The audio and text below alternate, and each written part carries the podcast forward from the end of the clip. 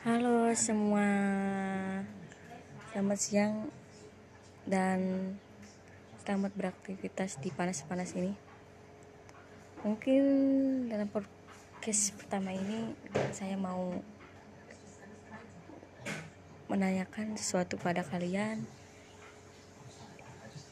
Ya kita berbagi-bagi dengan tips dan juga cara untuk memulai hidup dua tahun ini juga khususnya di bulan awal Maret ini